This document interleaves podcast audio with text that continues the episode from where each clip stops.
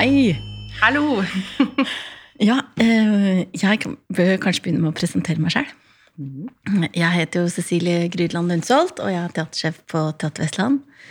Og i dag så skal vi snakke sammen, Miriam Prestøyli. Du, så hyggelig at du ville være med i podkaststudio. Kjempehyggelig å være her. Miriam, du er eh, scenekunstner med et stort spenn. Du har vært husdramatiker på Dramatikkens hus. Du har starta I mine øyne Norges beste teaterfestival, Teaterfestivalen i Fjaler. Eh, Sammen med Idun Wiik har du starta Bergen Dramatikkfestival. Du har hatt regi på mange teatre rundt i hele Norge. Det Norske Teatret, Nasjonal Scene, Østfold Teater, Vestnorske Teatret. Og på Teater Vestland så har du satt opp flere forestillinger. Blant annet Alt det lyse og alt det mørke. Og stykkene dine har jo vært eh, nominert til teaterbransjens gjeveste pris, Hedda-prisen. Så når jeg tenker på deg, så tenker jeg på en eh, regissør med stor arbeidskapasitet, og at du er modig og ambisiøs, med en evne til å lage forestillinger som berører oss dypt inn i sjela. Takk, Cecilie. Det var jo veldig fin eh, introduksjon. Takk for den. Så det første jeg lurer på eh, Vi skal jo snakke litt mer om Jenta med fyrstikkene, som du har regi på på teatret litt etter hvert. Men hva er det som driver deg? Åh, ehm, hmm. Det er vel en slags um, eventyrlyst i ordets uh, mangedoblede forstand, på en måte. Jeg eh, liker eh, liker utfordringer, eh, og jeg elsker eh, eventyr. Eh, og når det gjelder teater, så, så er vel det en sånn Det er vel noe jeg alltid har visst siden jeg oppdaget teatret, at det var der jeg skulle være. eh, og at jeg skulle jobbe med regi. Det har jeg egentlig holdt på med siden jeg var liten. Og lekte uh, Jenta med fyrstikkene, for eksempel, som uh, jeg har fortalt deg. Um, nei, det som driver meg, er, er veldig glad i å fortelle historier til folk, og jeg brenner for å fortelle eh, historier på teatret til folk som kanskje ikke veit at de liker teater. Det er et publikum jeg er veldig opptatt av, og det er jo liksom noe av eh, drivkraften min bak det å på en måte flytte helt vekk fra eh, langt ut i periferien, da, og starte opp en teaterfestival der sammen med eh, ja, Torkil og Ingrid Hansen, som også er med og driver festivalen. Eh, at vi eh, En sånn glede ved å på en måte møte et publikum som, som ikke nødvendigvis er liksom eh, det faste teaterpublikummet, da, i utgangspunktet. Mm. Og hvordan eh, Hvordan eh, jobber du i kunstnerskapet ditt da, for å liksom nå de? Ehm, I mine forestillinger tror jeg ofte er um, ehm, Ja, hva skal jeg si det er, jo, det er kanskje lettere for andre å liksom si hva de ser, da, men jeg, jeg tror at jeg er ganske god på å lage eh, forestillinger som ehm, eh, når en brei målgruppe, på en måte, uten å liksom eh, gå på kompromiss med det jeg vil fortelle, eh, og alvoret i det, på en måte. Jeg tør å blande eh, humor og galskap og dypt alvor og sorg, og har liksom ofte eh, forestillinger hvor det er mye som skjer, da. Um, og så er jeg glad i å bruke det unike ved teaterrommet, og skape opplevelser som på en måte kun kan skje på teatret. Um, mm. Det er jo nesten noe litt sånn Astrid Lindgrensk over det du, eh, det du sa nå, det spennende i eh, forestillingene dine. Og så sa du på prøve her om dagen at uh, barn burde bli litt mer opprørske. Mm. Eh, tenker du, hva tenker du rundt eh, det? Ja, eh, i denne eh, konteksten så Altså I dette stykket her så har jeg på en måte et mål om at barn skal kjenne at de kan stole på sine egne impulser og sin egen stemme, på en måte, når voksne forteller dem at eh, de ikke skal gjøre det. Eh, jeg syns veldig ofte at barn har rett. De har eh, en naturlig medfødt rettferdighetssans og er empatiske. Eh, og det gjør dem til gode opprørere. Eh, det er noen sånne kjerneegenskaper eh, som opprørere bør ha, da, hvis det skal være et bra, bra opprør. Um, jeg tenker at vi trenger um, nå og i fremtiden på en måte kritiske, kritisk tenkende mennesker som på en måte tør å stå opp mot systemer de føler er feil, og at vi lever i en tid hvor kanskje um, Ja. Jeg vet ikke, jeg, jeg, opplever kanskje at barn i dag er, er eh, liksom for lydige. Uh, at det er noe med tiden vi lever i hvor um, uh, hvor det er liksom mindre rom også etter hvert, når man blir ungdom, til å på en måte rote rundt og finne sin egen vei. Vi er veldig sånn uh, resultatsorienterte og skal ta kloke valg hele tiden og blir veldig sånn selvbevisste på, på de valgene, og, og barn har, får liksom en sånn øh, ja, mindre tid til å være for seg sjøl, da, og finne på øh, Finne sin egen vei, da, tenker jeg, i forhold til den tiden jeg vokste opp i. Mm. Uh, så er jo barns tid i dag er veldig organisert og strukturert, og liksom det effektivitetskravet kommer jo ganske tidlig. Ehm, mens jeg tenker at kanskje man, eh, man mister noe der, da. Så det ordet opprør er litt sånn Det er jo kanskje litt satt på spissen, på en måte, men, eh, men jeg håper at barn i dag liksom kanskje gjør litt opprør mot akkurat det, da. Mm. Mm. Det er jo forska ganske mye på det. Mm. Eh, når du og jeg var barn, så fikk vi lov til å gå lenger vekk fra huset våre. Mm. Være lenger borte. Eh, I både i tid og i meter. Sånn kilometer. Mens uh, i dag så er det Skal foreldre ha veldig koll på hvor langt kan det gå, og hele tiden. Så ikke bare det med at det er så organisert, da, men hvor langt man fysisk får lov til å bevege seg vekk mm. fra foreldra sine. Mm. Mm. Ja. Det Jeg tror det er noe i det at man må Uh, ja. Det må vi Vi må, vi må vekk fra det. ja. ja. Du, uh, 'Jenta med fyrstikkene', mm. det er jo uh, en versjon av H.C. Andersens 'Piken med svovelstikkene'. Mm. Og det er jo blitt en klassiker. Mm. For, for, hele familien, kan man jo si. Mm. Men for de som ikke kjenner det så godt, eller ikke husker historien så godt, kan du bare gi en sånn kjapp sånn Hva er det? hva som skjer? Ja, Skal jeg spoile det? Ja, ja spoile meg. uh, nei, dette eventyret, som jeg har skrevet i 1846, altså uh, eh, 175 år gammelt, har vi regnet ut. Uh, det handler jo om en jente, en fattig jente, som går på gaten en nyttårsaften og må selge fyrstikker. Det må hun gjøre fordi Eh, familien har ikke penger, og faren har bedt henne selge alle eh, før hun kommer hjem. Hvis ikke så får hun bank. Han slår henne. Så hun går ut på gata. Har mistet skoene sine. Uh, sin mors tøfler, som hun uh, Som var altfor store. så hun, når stykket begynner, eller når eventyret begynner, da, så er det jo allerede så er vi allerede der, på en måte, at denne piken går med eh, blå føtter, barbeint i kulda i en gate, og ingen stopper og kjøper fyrstikker av henne, så hun setter seg i en krok og tenner eh, en og en fyrstikk for å varme seg, og i de fyrstikkene så har hun noen syner, da, eh, som blir veldig levende for henne. Eh, og i det siste synet så kommer da mormoren hennes, som er død.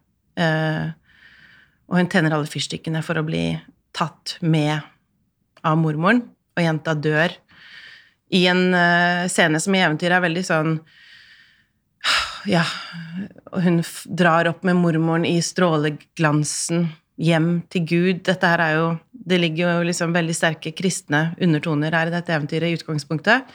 Eh, og så blir hun funnet neste dag av de folkene som gikk forbi henne på gaten, som ikke stoppet og ikke kjøpte.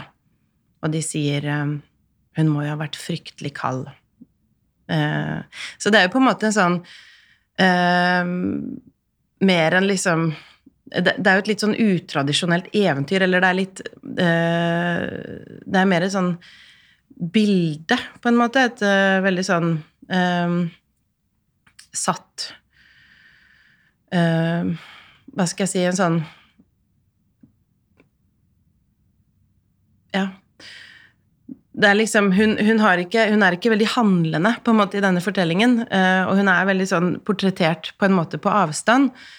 Uh, og den avstanden uh, Når du spurte meg om å sette opp dette eventyret, så sa jeg umiddelbart ja, det, det, vil jeg. Da husker jeg at jeg sto og plukket rips i hagen og, og hadde lyst til det. Ikke, for det første så har ikke jeg satt opp teater for så små barn før som denne målgruppen er.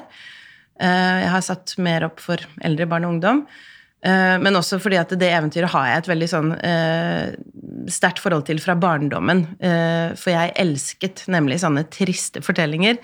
Og lekte ofte 'Piken med svovelstikkene', som jeg da først hadde hørt på søndagsskolen. Og også liksom vært med å dramatisere der. Når jeg nå leste det igjen, etter at jeg hadde liksom sagt ja eh, til deg, så fikk jeg litt sånn Oi. Eh, når jeg måtte se på det med det ansvarlige voksenblikket mitt, så kjente jeg på om, eh, om det liksom var noe um, Kan jeg stå inne for det, da, på en måte? Dette her er jo en veldig sånn romantisering av en utrolig brutal fortelling. Uh, et barn som fryser i hjel, altså utenfor huset til noen rike folk Eh, og som i dette eventyret på en måte blir pakket inn i sånn nydelig silkepapir fordi hun eh, ja, selv opplever dette som en, eh, som en vakker hendelse, da, på en måte. Mm. Så jeg ble veldig sånn eh, og så, og så, begynte jeg å lese mer om all, alt det stoffet jeg fant om eventyret, opplevde jeg også var veldig sånn eh, sånn Danmarksreklame, f.eks. Sånn 'pakk deg inn i et lunt pledd på hotellrommet og les H.C. Andersens nostalgiske juleeventyr mens du nyter en deilig kopp gløgg'. Så fikk jeg litt sånn eh, Litt sånn avsmak, på en måte, for det her er veldig sånn 'Å, det er så trist og vakkert', på en måte, som, som, som egentlig var min sånn første Mitt første forhold til dette eventyret, da. Mm. Fordi eh, vi faktisk lever i en verden hvor det eventyret er utrolig aktuelt, da. Uh, mm. Men For det var jo veldig aktuelt og i sin samtid? Ja, det var det. Og, og det er jo også sånn uh, Jeg um, leste meg jo mer opp også på Åse Andersen sin biografi, på en måte, og han kom jo fra en uh, veldig fattig familie med mange barn og gikk på fattigskolen, og på en måte Fortellingen om han er jo at han liksom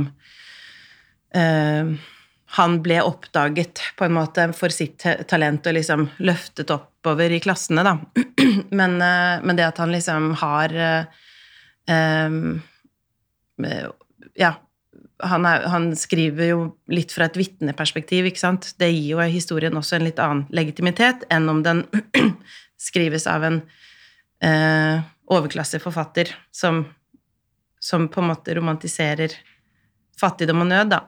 Og så er den jo skrevet i en tid altså øh, veldig sånn naturalistisk øh, Den naturalistiske litterære epoken, på en måte.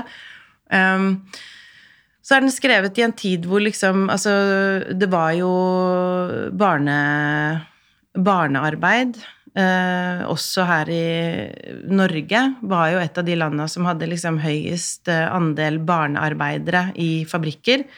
Eh, barn jobbet i tobakksfabrikker og tekstilfabrikker og gjorde veldig farlige eh, oppdrag fra de var liksom sju år. Så jeg har ehm, Ja, så denne her tiden ehm, hvor et liv eh, Et fattig barneliv på en måte ikke var så mye verdt, da samtidig som den uh, uh, ja, industrielle revolusjonen kom, og på en måte det vokste fram en, en velstand på en måte ut av den, uh, syns jeg er, uh, er, ganske interessant. Um, Og også på en måte eh, Det har vi jo snakket litt om, eh, men, men julen som eh, Den syns jeg er litt interessant, altså julen som idé, for at vi dyrker jo fortsatt en juleestetikk som er veldig sånn 1800-talls, eller tidligere, på en måte. Uh, julepynten vår er fortsatt, er fortsatt der, liksom. Um, så dette eventyret passer veldig godt inn i det bildet vi har av den uh, ja, av den juleestetikken, da, på en måte. Denne vakre lille piken og snøen som daler, og, og gåsesteken inni de varme, lune husene, på en måte. Um, men, men, men, du sa jo det ja. med, at, med, at, jula var en ganske sånn ny oppfinnelse mm. uh, på den tida. Ja, altså dette, den måten å feire jul på, liksom, med, med uh, Dette er ikke jeg noen ekspert på, altså, men, men, i uh, Sånn som i USA, for eksempel, på denne tiden når det var liksom masseinnvandring og, og uh, egentlig ganske sånn kaotisk tid, da, på en måte, så så importerte de liksom fra Tyskland jule altså juletre og, og omfavnet veldig en sånn estetikk som også for dem da, i den tiden, på en måte kjentes trygg, konservativ og liksom konstituerende for den familie På en måte De familieverdiene, da, på en måte, som man skulle holde fast i.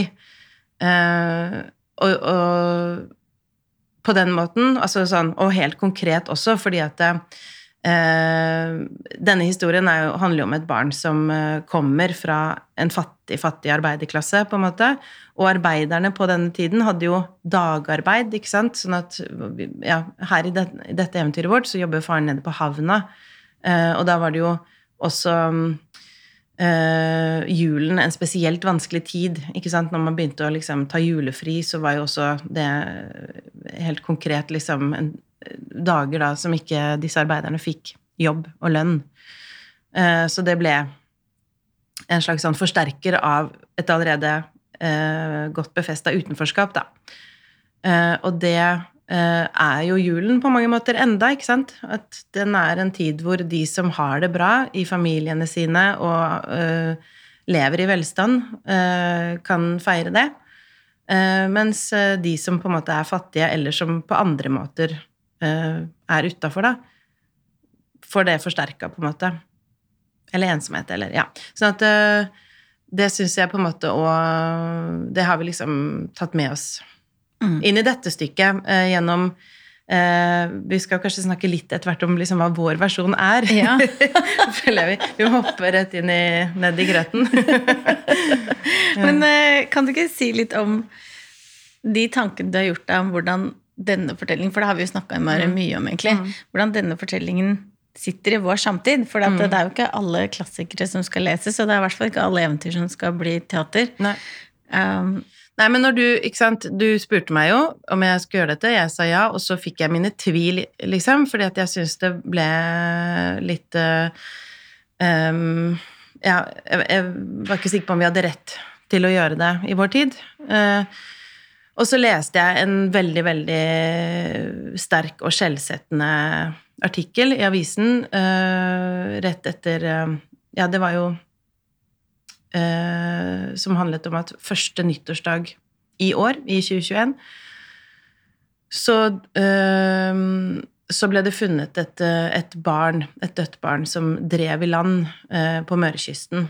Eh, og det viste seg, da, etter eh, mye eh, arbeid med identifisering, at det var en, en syrisk gutt som hadde flyktet da med familien sin ja, over Middelhavet og i en uh, liten båt, og en familie på fem hvor alle druknet, da. Um, en, en storebror på sju, en storesøster på ni, og så denne gutten på to. Alle de fire andre ble liksom funnet uh, umiddelbart. Um, men denne gutten fant det ikke, og det viste seg da at det var han som hadde kommet i land her. Um, og det var noe med den Uh, han var i en sånn uh, dress som uh, jeg bare bet meg så merke noe som sto i den artikkelen som eh, var publisert på NRK, da, om han, Etter at det var en fisker som fant han, som trodde det var en sånn redningsselskapsdømme og tok han opp på land og, og, så at det var et barn, et barn da. Uh, og, så, og, så, ble politiet tilkalt, og også en sånn begravelsesagent. Og denne begravelsesagenten sa at han umiddelbart på en måte så på bekledningen uh, til dette barnet at det var nok ikke et norskt barn. Og liksom bare det som lå i den uh, Ja, at det er Han var kledd på en måte som et barn som går i klær som vi sender, liksom, nødhjelp. Klær vi syns er for dårlige til å bruke på våre barn eh, som vi kan gi vekk.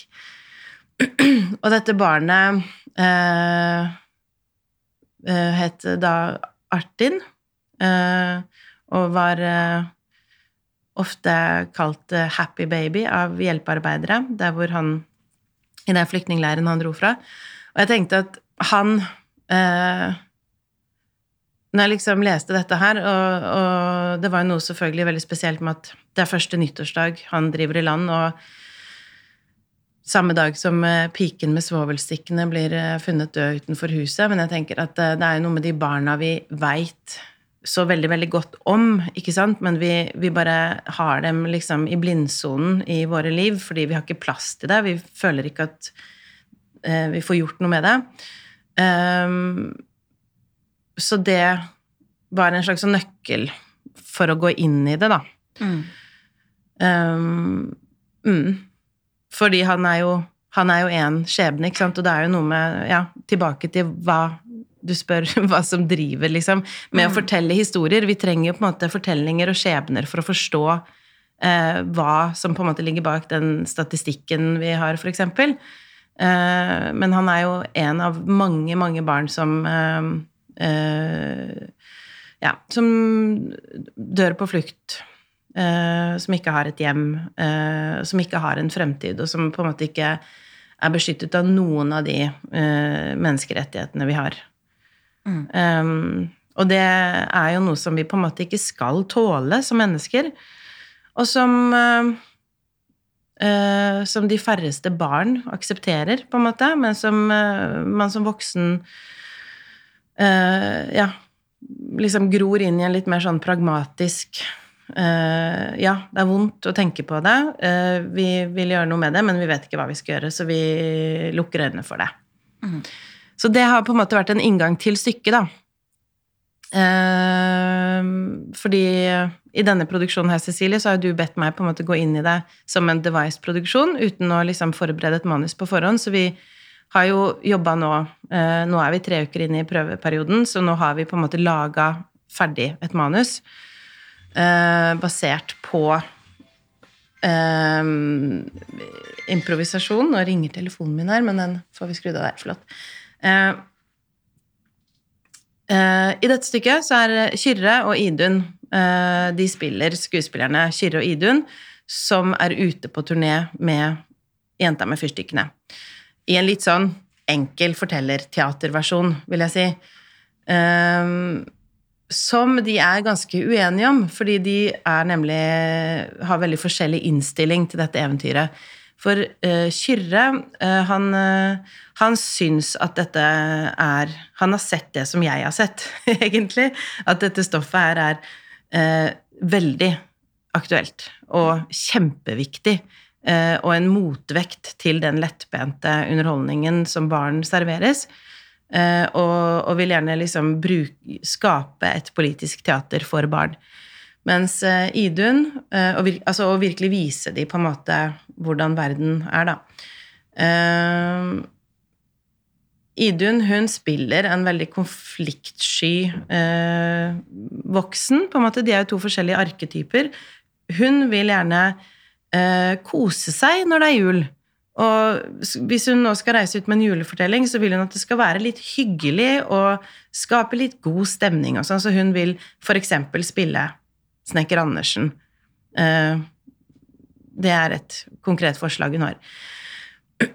Så når dette stykket her begynner, så, så, liksom, eh, så, går det ikke egentlig så veldig lang tid før de på en måte havner i eh, konflikt, og forestillingen på en måte kollapser. Og så har vi Karina Furseth, som, eh, som også er skuespiller i dette stykket. Hun spiller et barn i publikum eh, som eh, kommer uten faren sin, eh, og som er veldig Veldig nysgjerrig og kanskje litt sånn eh, litt uten filter-type barn. Eh, Så hun blir veldig engasjert i dette her når de, når de havner liksom i konflikt og vil vite hva historien handler om, og syns det er veldig eh, Høres veldig spennende ut eh, med denne jenta. Eh, Så hun, hun vet ikke hva som Hun får ikke høre hele historien og vet ikke hvordan dette her går til slutt, men hun vil spille jenta. Eh, og det får hun til slutt lov til, altså. Sånn at det hele forestillingens premiss er at dette her er på en måte en 100% improvisert versjon, hvor de bruker liksom en del av det de har med seg i den opprinnelige forestillingen, men at det blir vridd til en helt ny versjon. Um, og det går ganske bra inntil liksom den jenta som spiller jenta, da oppdager eh, hvor urettferdig eh, dette her egentlig er, da, på en måte med, med disse eh, rike folkene som ikke stopper, og som ikke hjelper jenta. Og når hun da skjønner eh, Nå skal ikke jeg liksom spoile helt vår slutt, men jeg kan si at når hun liksom oppdager eh, at den jenta i stykket faktisk skal dø, og at det lå der hele tiden, eh, så, så starter hun et opprør. Um, og det gjør hun mot liksom to voksen... Altså, eh, jeg har jo satt de to voksenkarakterene ganske sånn eh, To ganske gjenkjennelige type måter å være voksen på, vil jeg si. Um, og den ene er på en måte ikke bedre enn den andre, for den uh, Idun-karakteren vil jo bare helst uh, liksom beskytte barna mot vanskelige tema, vanskelige sannheter. Kyrre-karakteren vil um, på en måte dytte det mer på oss, ikke sant?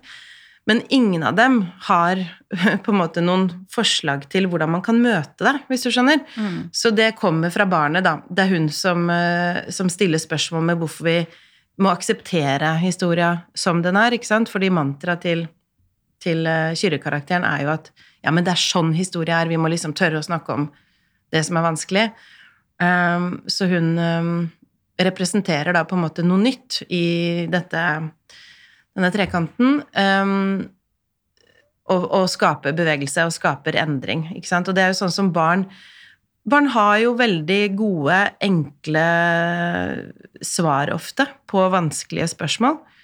Og vi Her så prøver jeg liksom å ta de enkle svarene liksom på alvor og se Ja, men det kan jo faktisk føre til en endring, da. Ikke sant? Så det er jo istedenfor å møte det med Ja, men det er ikke så lett. Fordi at det, jeg tror vi driver og bedøver eh, Altså, vi, det, er noe med å liksom gi barna selvtillit da, på at de gode impulsene som de har, er uh, riktige og bør forfølges. Mm. Mm. Og, det, og, noe av det vi har snakket om, er litt det som eh, jeg er eh, opptatt av. At det, teater for barn skal. Selvfølgelig er det teaterets opp oppgave mm. og, som regionteater at vi skal underholde. Mm. Eh, det ønsker vi også å gjøre for voksne. Mm. Men det med også å sette opp forestillinger for barn som setter verden i perspektiv, eller gir nye assosiasjoner, speiler virkeligheten og, og tør å ta tak i også de litt mer alvorlige temaene, mm. syns jeg er veldig viktig for barnepublikummet. Mm. Eh, og det syns jeg at eh, du gjør veldig intelligent i denne historien. Og at eh, Fordi ofte når ikke sant, Jeg har jo sagt at denne politiske høsten på teatret så starta med en dokumentarteaterforestilling om norsk landbrukspolitikk. Så ble det politisk satire. Og så skulle vi avslutte med 'Jenta med fyrstikkene'. En uh, juleforestilling, en annerledes juleforestilling om barnefattigdom og død. Mm. så når jeg sier det, så blir folk sånn litt sånn åh, ja.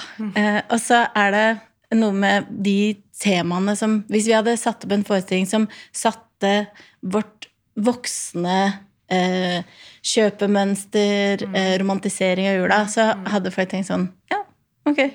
Men når man gjør det med barn, så oppleves det som litt sånn voldsomt. Eh, og det med voksnes berøringsangst syns jeg du er så Det er en av de tinga som gjør deg modig, da. Fordi at du tør å ta dette stoffet på alvor, og så gå inn i det med det barneperspektivet som du har. Eh, men opplever du det sjøl? Eh, Dette med berøringsangst, eller? Ja, berøringsangst og det å eh, fortelle eh, teater på den måten for barn, eller den tematikken. Mm. Altså, jeg er eh, eh, personlig ikke så veldig redd for å snakke med barn om eh, noe som helst, egentlig. Jeg tenker at eh, altså, barn er eh, fantastiske samtalepartnere som, som jeg lærer veldig masse av. Um, og når det gjelder liksom å være modig i forhold til hva man kan vise på teater for barn, så tenker jeg at du er jo Du er jo en teatersjef som har vist uh, mange ganger at du tar det veldig på alvor og er modig sjøl, på en måte. Så da, da er det jo lett å være modig sammen med deg, da. uh, og vi har jo uh, i denne prøveperioden også dratt på um, seminar sammen om interaktivt barneteater, og jeg vet at altså, det er jo en, en arbeidsform som du kan veldig mye om, og som vi nå har lært mer om, på en måte. Eh, så det har jo inspirert meg veldig, og i denne retningen. Um, men jeg tenker liksom Altså, det, dette med barneblikket, på en måte, det har reddet meg i mang en veldig, veldig vanskelig situasjon som voksen òg. At eh, jeg tror jeg er ganske sånn um, Jeg har god kontakt med barnet mitt. Altså mitt indre barn. For, eh, og, og gjennom å ha det og, og kjenne barn, eh, så eh, Ja, hvis man har med seg det blikket på ting man skal gjøre i livet som er vanskelig, så ja, det har vært en slags sånn rettesnor for meg, da. Mm. Um, mm. Fordi denne forestillingen her sånn, så kan du ikke si litt om det visuelle som du har skapt sammen med Synnøve Ringdal? For det er jo litt sånn annerledes, uh, annerledes forestilling i forhold til det rommet som vi skal dele med publikum. Mm, ja, jeg tror den har vel ikke blitt brukt sånn før, tror jeg, denne blackboxen. Nå, nå sitter jo publikum på hver sin side av Altså hver sin langside av blackboxen, med vinduer og dører rundt. Eh, og i midten så har vi en eh, gate. eh, og den fantastiske tekniske avdelinga på teatret har jo laga en 11 meter lang snømaskin, så det snør i hele denne gata. Og Synnøve har da laget elleve helt sånn fantastiske miniatyrhus, da, som, som til sammen da utgjør en gate. Og i forestillingen, på ulike måter, så inviterer vi jo barna inn til å være med og både bygge gate og um, Ja, og kanskje være med og liksom um, Ja, de kan få forskjellige oppgaver underveis. Um, og det er jo på en måte uh, litt fordi Altså, selve liksom, teaterformen inviterer jo til det, hva, uh, ut fra liksom Hva kan vi gjøre på teater som ikke man kan gjøre på film? eh, og liksom dyrke det unike i den situasjonen med barna. Men også fordi at vi her liksom ønsker at barna skal gå ut av salen og føle at de var med på eh, å, å gjøre det rette da, i forhold til jenta. At de, å bygge opp liksom den relasjonen med, med skuespillerne, sånn at de tør, når det, eh, når det blir viktig mot slutten, å si hva de mener, da. Eh, og kjenne, kjenne at de Eller altså, det skal ikke være et rom hvor det er en sånn påtvungen eh, interaktivitet. Altså det, det er jo noe som jeg selv Jeg skrev jo eh, bacheloroppgave i teatervitenskap som het 'Hjelp, jeg måtte bli med å danse'. om interaktive dramaturgier i, i dans, da. Eh, Men, men liksom når det gjelder barn, å, å lage et rom som er inviterende, litt utover det å bare eh, snakke direkte til dem, på en måte, eh, det har jeg veldig tro på, da. Og eh, det må kjennes eh, inviterende og ikke påtrengende, liksom. Mm. Um, mm. Ja, for det er den blackboxen. Det har vi Ja, kanskje ikke ja. eh, snakket så mye om. Vi, vi kaller det det bare, med Mm. blackboxen. Som da er eh, teatret sin eh, hva skal vi si, intimscene på turné. Hvor du sitter innmari tett eh, på. Det er jo bare plass til Hvor mange publikummere ble det til slutt? Ja, men jeg tror vi fikk eh, komme opp i over eh, altså 58 eller noe sånt, faktisk. Ja. Eh, men eh, når vi planla dette her i Ja, vi er tett på, liksom. Mm. Det er vi. Eh, og det opplever jeg jo er jo Altså, den blackboxen er jo en ganske sånn stor eh, greie å sende rundt på turné. Vi trenger mange menn for å, og kvinner for å sette den opp. Um, men det er virkelig verdt det, da, fordi at du skaper et rom som ikke fins der i den bygda eller byen hvor man spiller fra før av. Um, sånn at vi har med oss en hel verden, en omsluttende verden. Mm. Og i den verden så har du jo også med deg eh, Thea. Ja. Thea mm. på musikk og lyd. Mm. Eh, som jeg har jo hørt litt av, som jeg syns blir et helt eh, fantastisk univers som dere har holdt på å skape sammen. Kan du Det er vanskelig å Ja. beskrive det, men kanskje du kan prøve? Um, ja, Thea Hjelmeland og jeg vi har jo jobbet sammen før her på teatret, vi, i er, og det var et veldig, veldig fint samarbeid. Um, så nå inviterte jeg henne inn til, til å være med å skape musikk til dette eventyret, og det uh, Vi er veldig opptatt av her å skape noe som er uh, Altså dette eh, e, altså, det å fortelle eventyr i en sånn intim setting, på en måte, det, vi vil gjerne at det skal liksom komme ut av skuespillerne eh, veldig sånn organisk, da, på en måte. Sånn at hun jobber veldig fint nå med å lage uh, musikk basert på skuespillernes egne stemmer i veldig stor grad, og også lydeffekter basert på um, Altså Vinden, eksempel, er Idun Losnegård veldig god på å skape, men at vi, vi jobber mye med sånn loop-teknikk, da, ikke sant? Så skuespillerne synger en strofe, eh, den loopes, og de synger en ny, og det bygges videre. Sånn at det skaper ganske sånn ehm, Plutselig så oppstår det liksom store klangrom, på en måte, uh, som er veldig, veldig vakre, og så kan man liksom gå ut av det også. Eh, ja, nei, men hun eh, er jo veldig gøy å ha med henne her. Mhm. Mm. Er det noe mer vi burde si om Jente med fyrstikkene? Selvfølgelig at den har premiere 5. november. At den skal turnere i hele Vestland. Men er det noe mer som vi burde, burde si, Miriam? Som du tenkte at du hadde lyst til å si, kanskje? Ja Altså Nei, jeg, jeg tenker at um, jeg um, hadde Jeg tror dette blir en forestilling som jeg hadde likt skikkelig godt å se hvis jeg var eh, seks, sju, åtte, ni år. Uh, og ned til fem, da har vi på en måte satt. Eh, ja, jeg håper folk kommer og ser den, virkelig, fordi at det, det er liksom sjeldent at man får lov til å på en måte lage en så eh, påkosta eh, barneforestilling. Eh, liksom en Ofte så er jo akkurat det derre juleforestilling for barn noe som teaterne liksom kaster ut for å eh, ha det, på en måte. Men jeg opplever at her ligger det ja, en eh, fra, fra oss alle et liksom ganske dypt ønske om at eh, vi skal skape noe unikt, da. Mm. Det Sånn eh, tre uker ut i prøveperioden, så kan jeg si at det, så foreløpig så føler jeg at det går ganske bra, men ja. Ja, det Så skal vi holde, holde koken de siste ukene. Mm. Mm. Men kanskje det er litt fint Ja. å avslutte med, da, fordi eh, vi har jo snakka kanskje litt lite om hvem den er for. Vi har sagt en eh, familieforestilling.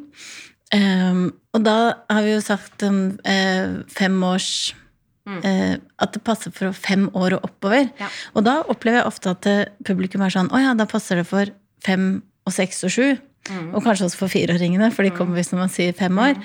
Men det er jo det som jeg syns er kjempefint med det arbeidet som du holder på med. At det er for hele familien. Eh, og at du kan ta med deg hele spennet. Du trenger ikke å ha barnevakt, da. Jo, for de aller yngste, hvis du sitter her med de eh, aller yngste, så må man ha barnevakt, men at man kan ta med seg hele familien. Og så vil alle kunne nyte den forestillingen du skaper. Det syns jeg er innmari fint. Mm, mm. Jeg skal teste ut på toåringen min. eh, på en prøveforestilling. ja, nei, men det, det er nok eh, Altså, det er jo noe med Det er jo ikke noe som er farlig eller noe for mindre barn, men jeg tenker det er jo kompleksiteten i det mm, gjør jo at det passer bedre for de som er eh, har bikka på en måte den eh, ja, Ja. minstealderen, da. Ikke sant? Ja, Men eh, jeg hele, familien eh, kan absolutt gå og se, og jeg kjenner eh, og bestemødre som gleder seg veldig til dette her, eh, som kommer til å gå uten barnebarn fordi de bor Ja. eh, Så det jeg tror det er for alle. Ja, ikke sant? Og det er jo det jeg tenker, er jo litt sånn med Når vi snakker om målgruppe, så er det det Jeg tenker på treåringen em, På treåringen som jeg er tante for. Eh, han er jo bare sånn han, så, han har så mye sprell i kroppen, ikke sant? Så at eh, han eh, ville kjeda seg fordi det er fordi han er tre år, og det er ikke liksom skapt for han. Men det hadde jo ikke vært noe farlig for han å se det. Det hadde bare vært litt irriterende for alle de andre i publikum. Fordi at eh, han hadde Men, eh, men Benjamin på fire, eh, som er du vet, så opptatt av disse spørsmålene, da. Og liksom hvordan verden henger sammen, og er liksom en liten sånn filosof. Han tenker jeg ah, Så det er jo litt det òg. men at det, og at det ikke er det tror jeg ofte folk tenker sånn der, om det er det farlig. Det er jo ikke farlig for de som er yngre. Det er bare at det, det er eh, ikke så interessant for dem. For det, det er den kompleksiteten i historiefortellingen som de ikke får med seg, da, som passer fra fem år Ja. oppover. Men det er masse gøy å se på, så Ja. jeg tror det går bra. Eh, og så vil jeg også si bare at eh, jeg eh, hadde jo et forhold til piken med svovelstikkene fra før, og det, det er det jo mange voksne som har. Men jeg lurer på om det liksom ikke er så kjent for, for barn i dag. Det har jeg merket meg at Og det er kanskje noe med at det lig- ligger en ehm, Ja, dette her med hun skal opp til Gud Altså det ligger på en måte noen ting der som man kanskje kvier seg mer for å snakke om i dag på skolen og sånn, for eksempel. Eh, Så det er ikke så nødvendigvis så kjent for barn, og det tenker jeg liksom eh, også er en grunn til å komme og se. Jeg, jeg, jeg syns det er eh, helt nydelig å tenke på at vi kan få mange publikummere som ikke vet hva som skal skje i dette eventyret, for det er sånn det barnet vi har skapt på en måte i Hun som spiller jenta, opplever det, da. Mm. Og det opplever jeg liksom Det er mye sprengkraftig. Mm. Sprengkraft. Du, eh, Miriam, alltid kjempegøy å snakke med deg. eh, nå skal du straks eh, tilbake på prøve, for at eh, det skal jobbes en del mer med det her. Mm. Så da sier jeg bare tvi-tvi med resten av prøvetida. Takk for det. Mhm.